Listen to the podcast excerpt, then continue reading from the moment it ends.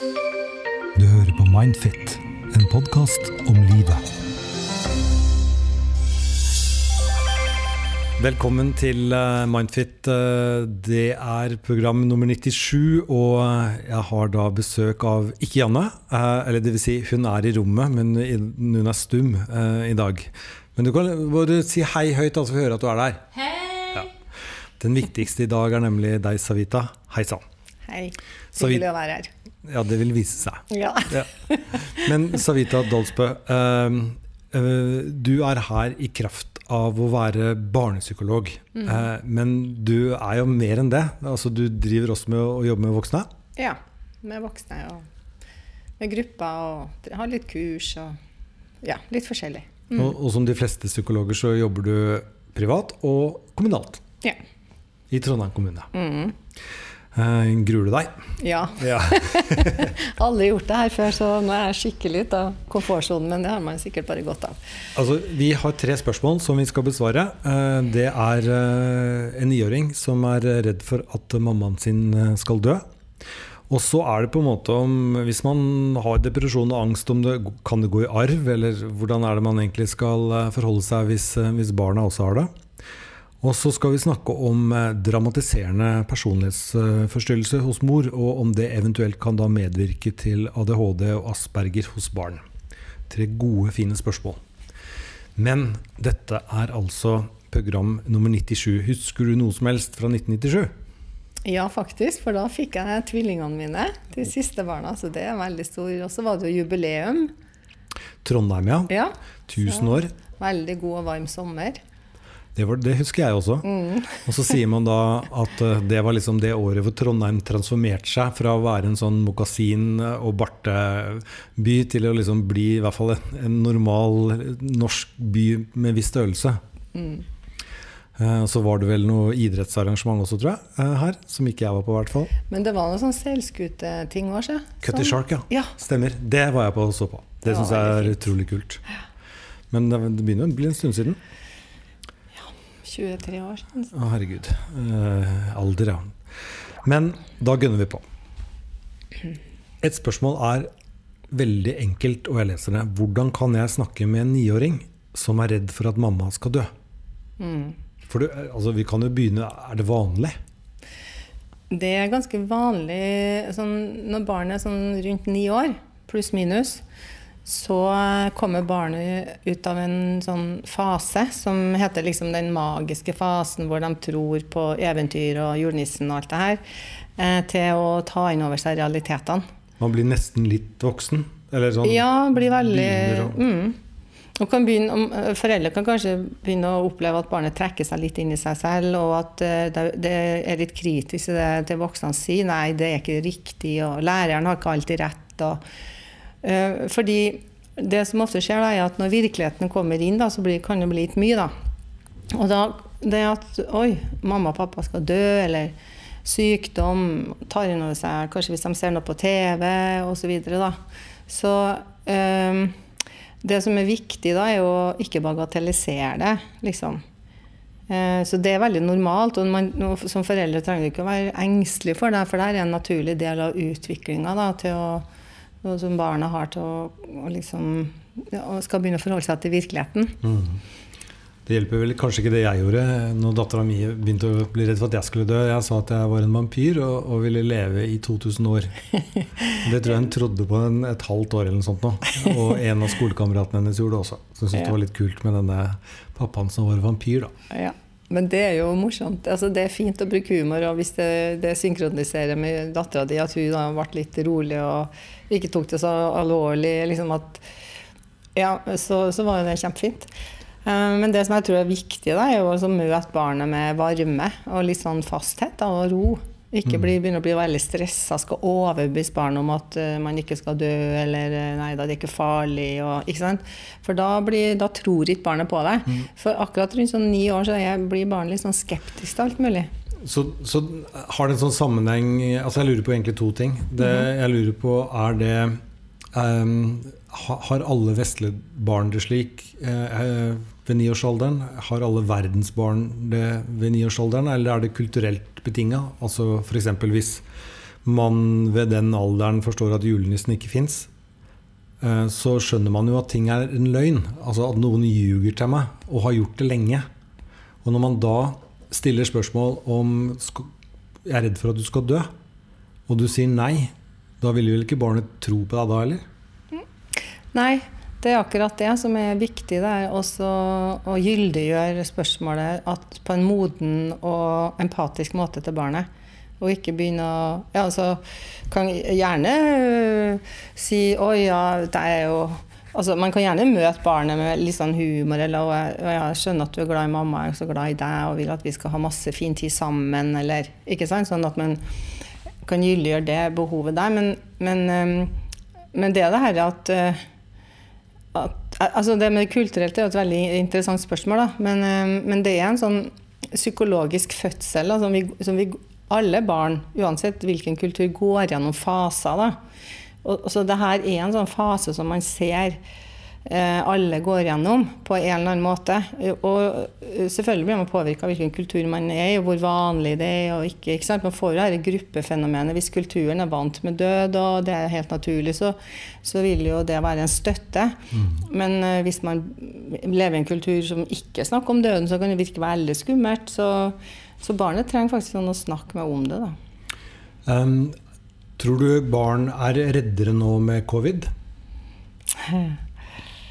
Det er et godt spørsmål, altså. Uh, Jeg opplever, jeg har jo barnebarn nå, jeg, da. så jeg opplever at de er Og det er nå, og når man skal si 'hva', det hadde jeg ikke trodd. Takk. Vær så god. um, men eh, nei, altså jeg opplever at de tar smittevernet veldig på alvor. altså De tar ansvar. Det virker som at barna har lyst til å være flinke. Og, og, og det, jeg tror alle barn har lyst til å være flinke og være en del av flokken. Og, og, så det, min erfaring som foreløpig i hvert fall er ikke at det har blitt sånn veldig oppblomstring av eh, masse angst blant barn, men at de, de, er kanskje flinkere til å ta ansvar og ja, ta det litt på alvor. da. Eh, hvordan har covid eh, endret din arbeidssituasjon? Ja, ganske mye faktisk. Fordi jeg kan ikke møte alle de personene som jeg brukte å møte. Så mm, det er ikke litt deilig? Eller? Nei. Nei, vet du, det er ganske kjipt å sitte ja. på digitalt eh. Men det fungerer jo, det òg, altså. Det gjør det. Men man savner jo de her møtene, da. Ja, men på en måte så er jo psykologer som frisører. altså Du, du kan ikke klippe deg over Teams. Jeg skjønner at det går an å få en terapitime over Teams, men det er jo et møte mellom mennesker i et rom. Og det er det oppmerksomme nærværet i rommet med pasienten som, er, som du savner litt. Også når jeg, sitter med, jeg har jo veile, en ganske mye veiledning Eh, med folk som jobber med folk som har det vanskelig. Mm. Og det å sitte sammen og dele i samme rommet er noe helt annet enn å sitte på Teams og så Du, er nå hakka det litt her, eller ikke sant sånn. Så ja, jeg savner det, altså. Eller nå har du kattefilter på. Eh, da tar vi neste spørsmål. Eh, det er jo om angst og traume og sånn. Og jeg leser om å slite selv med angst, traume og noe depresjon, og av barn som sliter med angst, noe tvang og rigiditet. Men jeg vil mer enn gjerne høre om dere har noen tanker rundt det. Jeg tenker mest på hvordan takle utfordringer i hverdagen. Det er ekstremt viktig for meg å få råd fra flere eksperter. Altså hun sliter, eller Han sliter selv med angst, traume og noe depresjon, og har altså barn som sliter med angst, noe tvang og rigiditet. Hva mm. er ridigitet? Vi kan begynne der. det betyr at eh, du, du, liker ikke forandring, og må, ting må skje på en spesiell måte, en spesiell rekkefølge. Ofte dekker det over en uro. Altså det er en måte å ta kontroll over ting på med å være rigid eller veldig sånn fast. Å være akkurat på den måten her. Ja, Sånn selvskalling, bare på en annen måte? Eh, Nei, ikke helt akkurat som selvskading. For selvskading det er ofte for å, å håndtere smerte. Men ja, rigiditet kan være mer for å håndtere, altså ta kontroll. da. Ja, Følelsen av å være utrygg og ikke ha kontroll. Men her er, her altså den ene forelderen, vi vet ikke om det er mann eller kvinne, sliter da selv med angst og, og traume og noe depresjon, og har et barn som gjør noe av det samme. Mm. Eh, de får hjelp, men uh, lurer på om du har noe råd? Mm. Ja, det er et ganske stort spørsmål, da. Eh, og så er det at det fins ikke sånne lineære sammenhenger. Sånn. Altså at eh, det og da skjer det, og sånn. Men det vi vet med barn, da, det er jo at de har et um, Altså i sitt nervesystem, da, sånn, at det er veldig åpent for uh, å synkronisere seg med omsorgsgiveren. Så, og hvis omsorgsgiveren er urolig, har mye angst og møter barnet med, med stress, da, eh, og ikke varme og modenhet og sånn, og, og hjelper barnet å mentalisere og gjøre ferdig en følelse, f.eks., så kan barnet bli hengende litt i en slags sånn usikkerhet, forvirring og sånn, som kan gjøre at det kan få litt uh, problemer. Men Eh, bare to innganger på det. Da, da, kan man si at det er foreldrenes skyld at barnet får angst hvis de har det selv. Og det blir jo en veldig tung bør å bære da, hvis de sliter sjøl også og føler at de overfører det til barna sine. Veldig glad for at du sa det nå, for det, det var ikke det som er meninga. Poenget er å, å, si noe om at barnet er sårbart. da. Mm. Og en forelder som er åpen for at de med sine eh, psykiske problemer kan påvirke barnet sitt. Det tror jeg er det viktigste, sånn at man kan um, ta litt ansvar for det, at man har det, og kanskje få litt hjelp, da. Ja, fordi da er det vel slik at uh, hvis man har mye angst og depresjon og er foreldre, at det er lurt å, å liksom involvere i hvert fall barn i, i en form for terapi også, som en slags forsvar mot at det du beskriver, kommer til å skje? Ja, mot en slags sånn beskyttelse. da. Mm. Fordi det som ofte skjer hvis vi har mye Altså de voksne har mye angst og, og, og, blir, um, og er litt nedstemt og ser litt mørkt på ting. Og hvis barnet kommer da og er full av iver og hopp og har lyst til å gjøre det' og finne på ting, og så blir ikke barnet møtt i det, mm. eh, eh, så kan barnet også få en liksom sånn Ja, det blir litt tungt, da. Um, og så um, Ja. Ja, virkelig. Men eh, så egentlig så er rådet da altså at man skal få hjelp, og det får de. Um, men, men, hvordan skal de takle utfordringer i hverdagen, er, er, på en måte også et av spørsmålene. Ja, det er veldig bra, ja. for det er akkurat det jeg skulle si nå. jeg blir så ivrig, vet du. Ja, ja, sånn er det. for det som skjer ofte da når vi har, har, har det vanskelig sjøl, så vi, glemmer vi fokus på den andre. Vi blir veldig opptatt av å beskytte oss sjøl. Selv. selv om vi, vi, blir ikke ubevisst i det. Da. Men, mm. Eh, og da kan jo det være at det blir vanskelig for barn å oppleve nærhet eller få det det trenger. Møtt, eh, måten det blir møtt på. Da.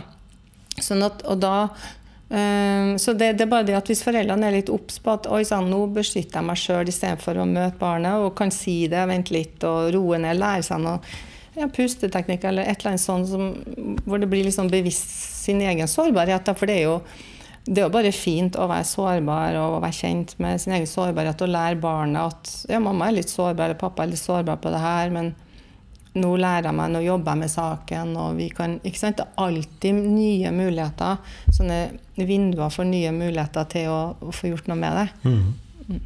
Men eh, et siste spørsmål der. Kan angst og depresjon gå i arv? Det vet vel ingen, kanskje? Men... Ingen vet 100% da. Men vi ser bare at uh, psykisk, dårlig psykisk helse og somatisk altså, hel, altså, Det har jo noe med at det kan gå litt sånn at det kan gå litt i arv i forhold til at det er mer sånn kulturelt, og måten man forholder seg til følelser på, utfordringer på Ja. Ja, for hvis du er fem generasjoner med kostskole fra England, liksom, så har du én måte å håndtere følelser på ja. som er helt annerledes enn uh, de aller fleste andre. Mm. Og da vil jo det gå i arv. Det vil det. Sannsynligvis, da. Men det, det er jo snedig med evolusjon at det dukker alltid opp et eller annet som bryter litt, og som har lyst til å bryte litt mønster og sånn. Så mm. det er jo positivt.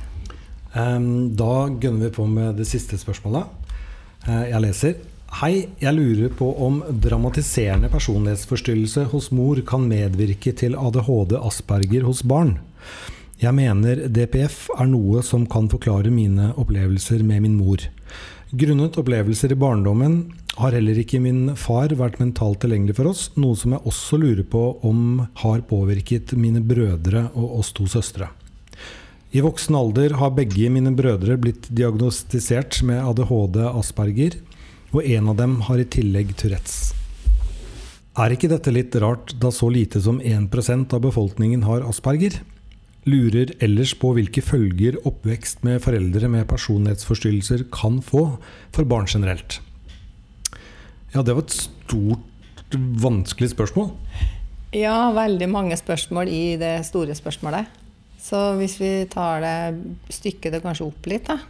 Ja, da er nummer én om dramatiserende personlighetsforstyrrelse hos mor kan medvirke til ADHD, Asperger hos barn. Da, altså nummer én. Mm, kanskje. Ja. Men hva er dramatiserende personlighetsforstyrrelse? ja, det er jo en um, en, personlighets, altså en personlighetsforstyrrelse er jo en, at du er litt sånn utafor normen når det gjelder å regulere følelser, atferd og tanker. da. For å ta det litt sånn generelt, da. Så ehm, um, det er ikke noe sammenheng med at en mor har en personlighetsforstyrrelse, og at du får Asperger eller Tourette eller ADHD, som er nevrologiske tilstander. Ok. Mm. Men de kan jo ha komorbiditet, da, som ikke Nå er jo ikke det, står jo ikke det om her. De kan jo f.eks. ha en, få en tilknytningsforstyrrelse eller en posttraumatisk stresslidelse eller en, altså, noe i tillegg, men det står jo ikke her.